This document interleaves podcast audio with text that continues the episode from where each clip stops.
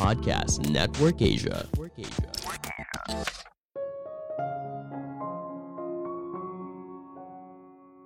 Kita tidak tiba-tiba saja memiliki hubungan yang sempurna, namun kita menciptakannya sendiri dengan membuat batasan. Halo semuanya, nama saya Michael. Selamat datang di podcast saya, Sikutu Buku. Kali ini saya akan bahas buku Set Boundaries karya Nedra Glover Tawab. Sebelum kita mulai, buat kalian yang mau support podcast ini agar terus berkarya, caranya gampang banget. Kalian cukup klik follow Dukungan kalian membantu banget supaya kita bisa rutin posting dan bersama-sama belajar di podcast ini. Buku ini membahas menciptakan boundaries atau batasan ketika berinteraksi dengan orang lain. Banyak orang kesulitan untuk menetapkan batasan dirinya. Mereka takut menyinggung perasaan orang lain ketika berbicara tentang apa yang membuatnya tidak nyaman. Namun, membuat batasan yang sehat sangat diperlukan kita harus belajar untuk bilang tidak pada hal yang tidak kita sukai tanpa perlu melukai perasaan orang lain. Saya merangkumnya menjadi tiga hal penting dari buku ini. Pertama, jangan takut untuk buat batasan. Mungkin kamu sering dengar kalau komunikasi adalah kunci hubungan yang sehat. Itulah sebabnya berbicara dari hati ke hati sangatlah penting. Kita tidak bisa berharap orang lain di sekitar menyadari apa yang membuat kita tidak nyaman saat kita mengutarakan apa yang tidak kita sukai, maka barulah orang tersebut sadar apa yang salah. Kenyataannya tidak seperti itu. Kita sering merasa kesulitan menemukan kata yang tepat untuk menetapkan batasan dengan orang lain. Misalnya, kamu ingin bilang ke temanmu untuk stop curhat masalah hidupnya saat kamu baru pulang kerja, karena kamu dalam kondisi yang sangat lelah. Seringkali kamu tidak tahu bagaimana cara ngomongnya, kamu takut dianggap sebagai orang yang kasar atau hal ini malah membuat teman kamu jadi kecewa. Kita khawatir atas hal yang mungkin terjadi setelah menetapkan batasan. Padahal, cara yang sangat jelas untuk menetapkan batasan adalah dengan memberitahu mereka apa yang kamu sukai daripada apa masalahnya. Misalnya kamu punya teman yang suka curhat soal hidupnya. Mungkin kamu bisa bilang, Halo, sepertinya habis pulang kerja bukan waktu yang pas buat ngomong topik yang berat deh Soalnya kepala saya juga masih penuh nih. Gimana kalau kamu tunggu sebentar sampai kita ngomong hal yang ringan dulu, baru nanti kamu cerita apa yang kamu rasakan.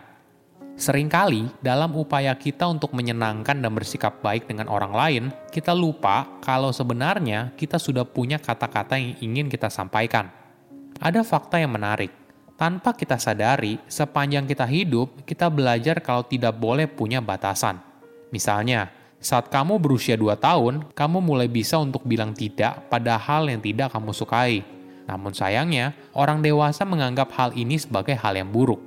Sedari kecil, kita diajarkan tidak boleh bilang tidak, tidak boleh membuat batasan dengan orang lain. Kadangkala, kita tidak mau dipeluk, kita tidak suka makanan tertentu, dan ada hal yang tidak nyaman kita lakukan. Semua hal ini sayangnya dianggap sebagai perilaku yang tidak sopan, dan kita tidak dianggap sebagai anak yang baik. Ketika kamu sudah menjadi dewasa, jangan biarkan masa lalu kamu menentukan hidupmu saat ini. Kamu berhak untuk mengambil alih lagi hidupmu. Sudah saatnya kamu mulai memikirkan hal apa yang kamu sukai dan tidak sukai. Mungkin bukan yang kamu menolak, tapi situasinya saat itu jadwal kamu sedang penuh, maka kamu tidak bisa membantu orang tersebut. Kamu berhak untuk bilang tidak. Harus kita sadari, tidak ada yang namanya batasan tanpa rasa bersalah. Ketika kita membuat batasan, kita mengakui dan merangkul kalau rasa bersalah ini sebagai bagian dari proses. Jangan jadikan rasa bersalah ini sebagai halangan, tapi kita harus melihatnya sebagai sebuah perasaan yang datang dan pergi.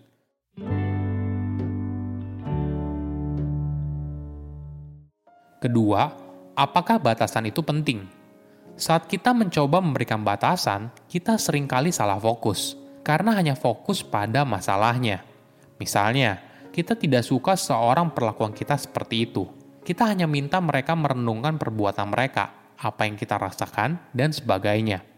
Jarang sekali kita secara tegas bilang apa yang kita mau mereka lakukan dan bagaimana mereka harus bersikap ke depannya.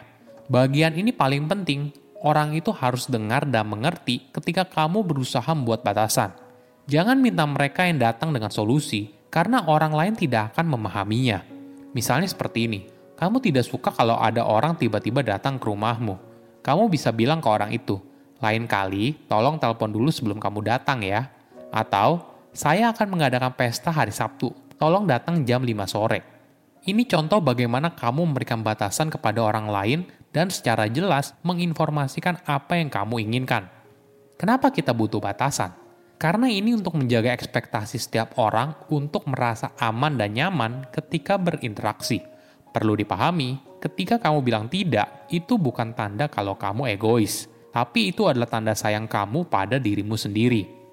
Sama seperti ketika kamu di pesawat, saat terjadi hal yang tidak diinginkan, kamu harus memasang masker oksigen pada dirimu sendiri dulu, baru membantu orang lain.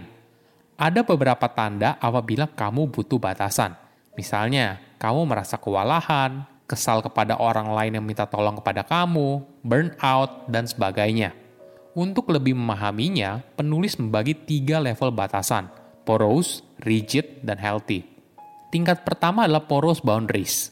Ini adalah ketika kamu tidak punya atau memiliki batasan yang lemah. Batasan yang kamu buat tidak efektif, entah karena kamu tidak mengkomunikasikannya dengan baik atau tidak menindaklanjuti batasan yang sudah kamu buat. Ada beberapa tanda kalau kamu berada dalam porous boundaries. Misalnya kamu selalu bilang iya, terlalu banyak berbagi informasi apa pun, berusaha menyenangkan orang lain, dan sebagainya. Tingkat kedua adalah rigid boundaries. Ini ibaratnya kutub yang berlawanan. Kamu berusaha untuk membangun tembok yang tebal di sekitar dirimu. Dampaknya, kamu membuat jarak yang tidak terlihat dengan orang lain. Ciri kalau kamu berada dalam rigid boundaries, misalnya memiliki aturan yang ketat, tidak pernah bercerita apa pun dengan orang lain, ingin terlihat tangguh di depan orang lain, dan sebagainya. Tingkat ketiga adalah healthy boundaries. Ini adalah pendekatan yang paling ideal. Hal ini bisa terwujud ketika kamu menyadari kapasitas emosional, mental, dan fisikmu disertai dengan komunikasi yang jelas. Kamu belajar untuk bisa dengan nyaman bilang tidak, mendengarkan pendapatmu sendiri, dan bisa punya percakapan dengan orang yang kamu percayai soal batasan yang kamu buat. Di sisi lain, kamu juga menghargai batasan orang lain dan nyaman ketika orang lain bilang tidak tanpa merasa tersinggung.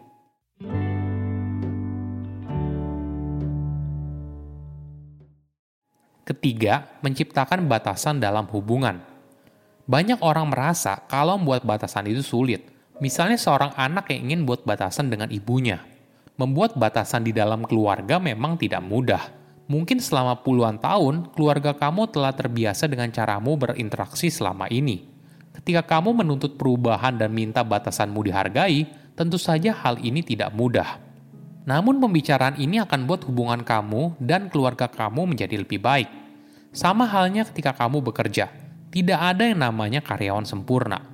Kamu bisa punya batasan dan menjadi karyawan yang baik. Ingat, kamu boleh dibilang menghabiskan minimal sepertiga harimu untuk bekerja, oleh karena itu, ciptakanlah kondisi yang nyaman. Bagaimana bila orang lain selalu melanggar batasan yang kamu buat? Pada dasarnya, setiap orang pasti pernah menghargai batasan orang lain. Yang paling penting, kamu bangun konsistensi dan konsekuensi.